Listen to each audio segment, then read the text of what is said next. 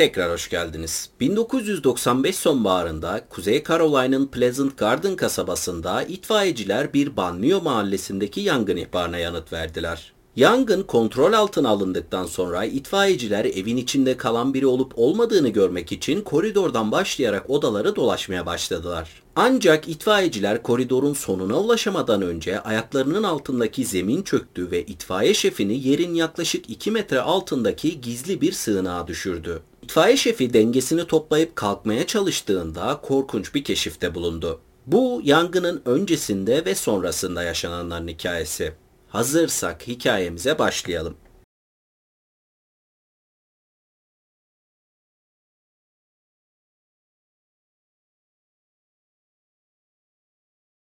...28 yaşındaki Patricia Kimball bahçesini dolduran arkadaşlarının keyifli grubuna baktığında kendini gülümsemeye zorladı. Elm Sokağı Baptist Kilisesi'ndeki diğer pazar okulu öğretmenleri ve üyeleri için düzenlenen cumartesi akşamı barbeküsü şüphesiz herkes için çok mutlu bir andı. Kısa bir süre önce Patricia için de öyleydi. Patricia evliliğinden 17 ay sonra eş, aile, kilise, arkadaşlar ve iş gibi iyi bir hayatın temel taşlarını bir araya getirdiğinde hissetmeyi umduğu mutluluk yavaşça gidiyordu. Yerine Patricia'nın hissettiği büyüyen bir duygu vardı. Gelin yolunda yürürken sevdiği adamla yüz yüze geldiği andan itibaren hayal ettiği geleceğin hiç gerçekleşmeyeceği düşüncesi. Patricia ve kocası Ted'in 3 yatak odalı büyük bir evi vardı. Ayrıca ikisi de kiliselerinde etkin olan Hristiyanlardı. Patricia hala Ted'le birlikte bir aile kurmayı umuyordu. Fakat bu kaygıları yaşadığı evin iki kez soyulması gibi evlilikle bir ilgisi olmayan bir şeyden kaynaklanıyordu.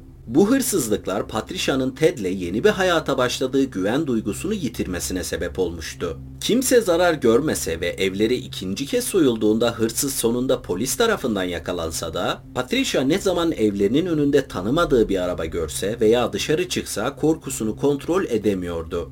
Bundan 3 yıl önce Ted ve Patricia'yı bir araya getiren romantizm ve aşk yerini günlük rutinlere bırakmıştı. İlişkilerinin başlangıcındaki gibi hafta sonlarını dağda kamp yaparak geçirmek yerine ikili artık hafta sonlarını mutfaktaki masada oturarak faturalarını hesaplayarak, evi temizleyerek veya bahçe işleriyle ilgilenerek geçiriyordu. Eğer Ted Patricia ile geçirdiği bu zamanların hala kıymetli olduğunu hissetseydi Patricia böyle hissetmezdi. Ancak Patricia Ted'le aralarının açılmaya başladığından endişe ediyordu. Patricia ve Ted 1990 yılında kilise gençlik grubunda tanıştığında sadece arkadaşlardı. Patricia Ted'in 1991 ve 92 yılları arasında kuzenine ciddi bir ilgi duyduğunun farkındaydı. Ancak 1992 yılında kuzeni üniversiteye gitmek için hazırlanmaya başladığı zaman Ted birden Patricia'ya arkadaş olarak bakmamaya başlamıştı. Kısa bir süre sonra arkadaştan sevgiliye ve sonra da eşe dönüşmüştü. Ted ve Patricia'nın nişanlandığı kilisedeki cemaate ilan edildiğinde kuzeni kilisenin arka sıralarında ağlamaya başlamıştı. Başlangıçta Patricia Ted'le evliliklerinin gidişatı hakkında konuşmaya çalıştığında Ted şaşkınlıkla ona bakmış, sıkıca sarılmış ve her şeyin yolunda olduğunu, endişelenmemesi gerektiğini söylemişti. Ancak Patricia bu konuyu tekrar gündeme getirdiğinde Ted sinirlenip konuşmak istememişti. Ve bugünkü barbekünün sadece bir hafta öncesinde Ted, Patricia'ya bir tekstil fabrikasında öğlen 3, akşam 11 vardiyasında çalışmak için başvurduğunu söylemişti. Ted'in bu açıklaması Patricia'yı tamamen şaşırtmıştı. İkisinin de para konusunda çok farklı tutumlara sahip olduğu çok açıktı. Patricia her zaman tasarrufçu taraf olmuşken Ted her zaman daha çok para harcayan taraf olmuştu. Patricia 16 yaşına geldiğinde ilk aracını almak için yeterli para biriktirmişti ve 23 yaşına geldiğinde bir ev almak için bankada yeterli miktarda parası vardı. Öte yandan Ted gençlik yıllarında paranın satın alabileceği her şeyi çok severdi. Yeni model Jeep Cherokee'sine ekleyebileceği tüm ekstraları eklemişti ve şimdi gözünü yeni bir motosiklete dikmişti. Ted için para ve toplumsal statü çok önemliydi. Kendisi ve küçük kardeşi Ronnie bir karavan parkında küçük bir mobil evde çocukluklarının ilk yıllarını geçirmişti. Ted'in alkolik babası ailenin ayakta kalması için yeterli miktarda para kazanamıyordu. Her şey babasının içkiyi bırakması ve ailesini Virginia'daki Liberty Üniversitesi'nin yakınlarına götürmesiyle değişmişti. İlahiyat alanından dereceyle mezun olduktan sonra aile Kuzey Caroline dönmüş ve baba kilise papazı olarak işe alınmıştı. Ailenin maddi ve toplumsal durumu Ted'in babası bir papaz olduğunda iyileşmiş olsa da Ted'e her zaman büyük sorumluluklar verilmişti. Bu sorumluluklar arasında küçük kardeşi Ronnie'ye göz kulak olmak da vardı. Ronnie sosyal açıdan çok çekingendi ve öğrenme güçlüğü nedeniyle okulda sürekli geri kalıyordu. Abisi kadar çabuk ve kendinden emin bir insan değildi. Yine de her iki kardeş de her zaman çok çalışmışlardı.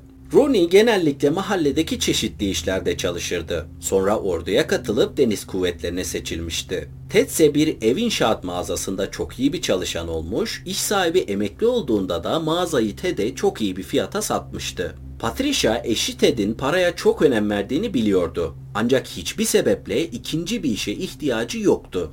Özellikle de Patricia'nın soygunlardan dolayı korku içinde yaşadığı akşam saatlerinde. 9 Ekim 1995 pazartesi günü barbekü partisinden bir ay sonra Patricia saat 8'den birkaç dakika önce çalıştığı yerin otoparkına arabasını park etti ve ofise girmeden önce arabasında düşüncelere daldı. 3 gün önce cuma akşamı aldığı telefonu düşünüyordu. Patricia ve Ted, Ted'in eski patronuyla çok yakındılar ve düzenli olarak telefonla görüşürlerdi. Ancak patron Gary evde olmadığından dolayı Patricia'nın şu an telefonda konuştuğu kişi Gary'nin eşi Rose'du. Patricia o telefon görüşmesini yapmadan önce çok uzun süre düşünmüştü. Ancak özellikle son birkaç hafta yaşananları göz önüne alınca Patricia söylemek zorunda olduğu şey ne kadar inanılmaz gibi görünse de birilerine güvenmesi gerektiğini düşünmüştü. Şimdi arabasında oturan Patricia ellerini göğsünde birleştirdi, kafasını eğdi ve 3 gün önce aldığı telefondan sonra yaptığı tahminin asla gerçekleşmemesi için dua etti. Saat 3.30 olduğunda Patricia ofisten ayrılıp evine gitmek için hazırdı. Masasından kalkıp ceketini giyerken iş arkadaşlarına veda etti ve arabasına binip 20 kilometre uzaklıktaki evine doğru sürdü. Saat 4 civarında Patricia evine vardığında o gün için planlarının değiştiğini anlamıştı. En azından bugün için çimleri biçmeyeceği kesinleşmişti. Çünkü bir misafiri vardı. 4,5 saat sonra ilk itfaiye aracı dış tutamaklara yapışmış gönüllü itfaiyecilerle birlikte hızla olay yerine geldi. Hepsinin gözleri 2401 numaralı yeşil eve yönelmişti. Şu anda kalın duman dalgaları ön kapının altından ve çatının açıklarından, pencerelerinden ve havalandırma deliklerinden çıkıyordu. İlk müdahalecilerden hiçbirine bu evin Ted ve Patricia'ya ait olduğunu söylemeye gerek yoktu. Çünkü olaya ilk müdahale eden ekiplerden birinin şefi olan 24 yaşındaki Alan Fields, Ted Kimball'la aynı liseye gitmiş ve Patricia'nın ailesini de çok iyi tanıyordu. İtfaiyeciler hızla garaj kapısından geçerek mutfaktaki yan kapıya doğru yöneldi. Ancak Alan'ın itfaiye departmanındaki 6 yıllık deneyimi kapıdan içeri girdiklerinde kendisini ve ekibini boğan aşırı ısıtılmış hava ve duman patlaması için yeterli gelmemişti. Kısa bir süre sonra nefes alamaz hale gelen ekibiyle birlikte panik halinde geri çekilirken maskeyi çıkarıp biraz temiz hava aldı. Tam o sırada Alan evin diğer tarafından gelen bir bağırmayı duydu.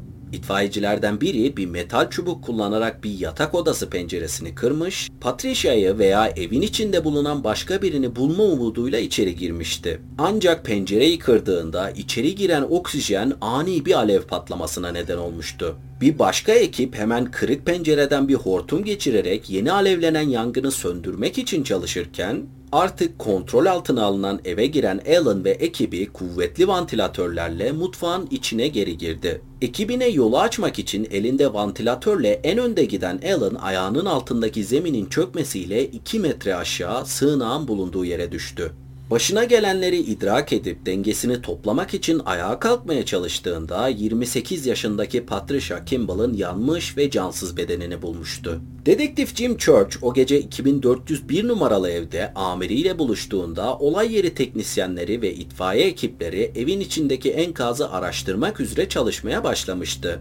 Ancak evin içinde birkaç dakikalık basit bir gezinti dedektif Church ve başkomisere sonradan teyit de edilecek olan birçok bilgiyi anlatmaya yetmişti. Bu bilgiler arasında en önemli olanı Patricia'yı öldüren yangının bir kaza olmadığıydı. Mutfağın ortasında boş bir benzin bidonu duruyordu. Yapılan incelemelerde evin içinde mazot gibi bir hızlandırıcı tarafından oluşturulan bir yanma deseni keşfedilmişti. Bu desen mutfaktan oturma odasına, oradan koridora, oradan da Patricia'nın cansız bedenine gidiyordu. Yangından neredeyse etkilenmemiş olan yatak odasını incelerken araştırmacılar devrilmiş bir komodin ve boşaltılmış dolap görüntüsüyle karşılaştı.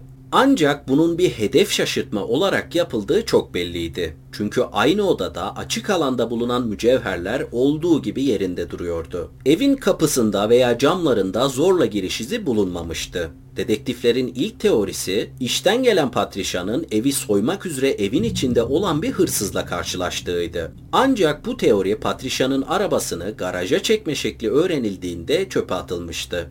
Patricia'nın arabasını garaja park etme şekli geldiğinde zaten bir arabanın garajın içinde olduğunu gösteriyordu. Patricia tanımadığı birinin evine girmesine asla izin vermezdi. Çünkü yaşadığı iki hırsızlık olayından sonra geçirdiği travmatik dönemin hala devam ettiği tüm yakınları tarafından biliniyordu. Bu yüzden arabanın sahibinin Patricia'nın tanıdığı biri olduğu düşüncesi vardı. Yangın dumanından ve yangına müdahale ederken hortumlardan gelen tazyikli suyun yarattığı hasar nedeniyle olay yeri teknisyenlerinin parmak izi veya DNA gibi kilit bir kanıt bulamayacakları çok açıktı. Ancak yine de dedektifler bu dosyayı kapatmada çok kararlıydı. Kocası Ted de dahil olmak üzere şüpheli kişiler listesi hemen çıkarıldı. Sorgu sırasında polislerin sorduğu her soruya cevap veren Ted'in o sabah 7.45'ten akşam 11'e kadar tüm hareketleri için ayrı ayrı görgü şahitleri vardı. Cinayetin üzerinden 9 gün geçtikten sonra dedektifler ardı ardına çıkmaz bir sokağa giriyormuş gibi gözükse de önemli bir bilgi de almışlardı. Bu bilgi Ted ve Patricia arasında süre gelen gerilimler hakkındaydı. Dedektifler Patricia'nın ölümünden önceki haftalarda arkadaşlarına Ted'in çok para harcadığı hakkında dert yandığını öğrenmişlerdi. Ayrıca yine Patricia'nın arkadaşlarından öğrenilene göre Ted ölümünden kısa bir süre önce Patricia'ya 100 bin dolarlık bir hayat sigortası yaptırmaya çalışmış ancak Patricia bu poliçeye imza atmayı kesinlikle kabul etmemişti. Ted'in olay günü için birçok görgü şahidi olmasına rağmen dedektifler Ted'e hala bir şüpheli gözüyle bakmaya devam etti. Her seferinde daha fazla soru sormak için sürekli görüşmeler gerçekleştirdi ve her soruya verdiği cevaplar arasında eşiyle olan ilişkisi veya olay günü olan hareketleri hakkında tutarsızlıklar aradı. Ancak Ted bir avukat tuttuğunda ve karısının cinayetini çözecek olan ipucunu verecek kişiye 10 bin dolar para ödülü vaat ettiğinde dedektifler Ted'in peşini bırakmak zorunda kaldı. Dedektif Jim Church için bu pes etmek istemeyeceği bir davaydı ve cinayetten sonra geçen 14 ay boyunca Patricia'nın ailesi ve arkadaşlarının yaşamlarındaki her yeni gelişmeyi yakından takip etti. Sonunda 1997 yılının sonlarında Patricia'nın cinayetinden yaklaşık 2 yıl sonra dedektif davayı çözmeye yardımcı olacak ipucunu almıştı. Bu ipucu geldiğinde dedektif ipucunu kendisine veren kişinin kimliği hakkında çok şaşkındı. Arayan kişi Liberty Üniversitesi'nin kurucusu ve Amerika'nın en tanınmış Baptist papazlarından birinin oğlu ve aynı zamanda avukatıydı.